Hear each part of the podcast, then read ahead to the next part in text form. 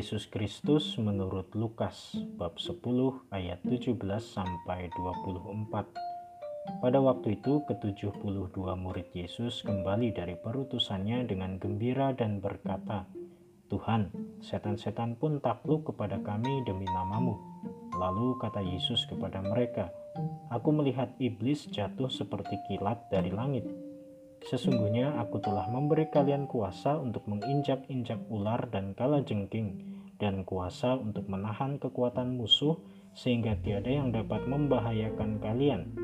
Namun demikian janganlah bersuka cita karena roh-roh itu takluk kepadamu, tetapi bersukacitalah karena namamu terdaftar di surga. Pada waktu itu juga bergembiralah Yesus dalam roh kudus dan berkata, Aku bersyukur kepadamu ya Bapa Tuhan langit dan bumi. Karenanya semuanya itu kau sembunyikan bagi orang bijak dan pandai, tetapi kau nyatakan kepada orang kecil. Ya Bapa, itulah yang berkenan di hatimu. Segala sesuatu telah diserahkan kepadaku oleh Bapakku, dan tiada seorang pun yang tahu siapakah anak selain Bapa, dan siapakah Bapa selain anak, dan orang yang kepadanya anak berkenan menyatakannya.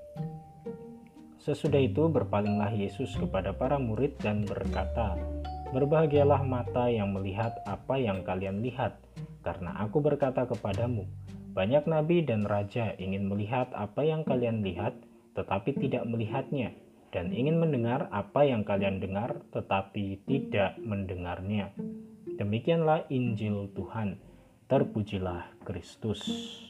Para saudara yang terkasih, kisah Injil ini menampilkan sebuah kisah perutusan dari Yesus untuk ke-70 atau 72 muridnya. Perutusan dari Yesus tidak hanya berlaku bagi para rasulnya saja, tetapi juga orang-orang lain yang menjadi pengikutnya, termasuk pula kita di dalamnya. Setelah mengakhiri perutusannya, para murid itu menunjukkan kegembiraan mereka kepada Yesus dengan penuh ketakjuban, karena mereka memiliki kuasa untuk menaklukkan setan-setan oleh karena nama Yesus.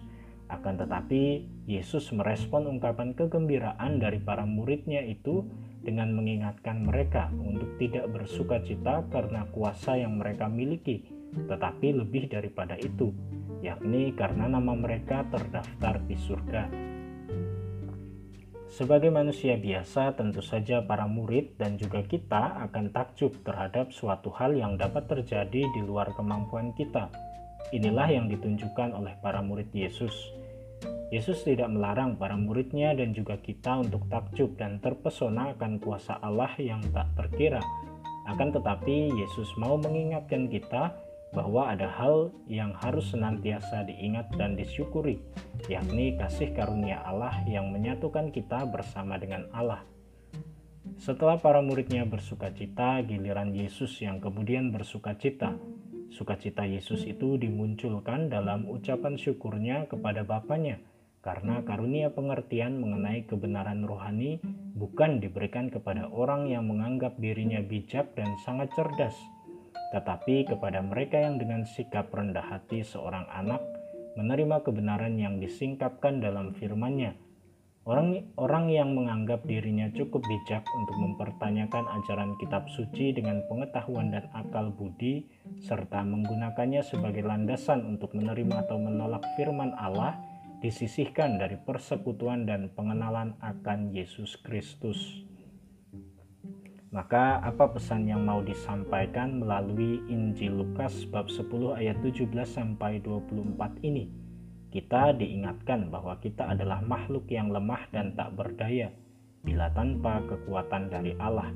Oleh karenanya, segala kesuksesan, keberhasilan, dan pencapaian-pencapaian dalam hidup kita kiranya tidak menjadi tujuan kita, tetapi dengan penuh kerendahan hati kita mengucap syukur kepada Allah yang telah menganugerahkannya kepada kita.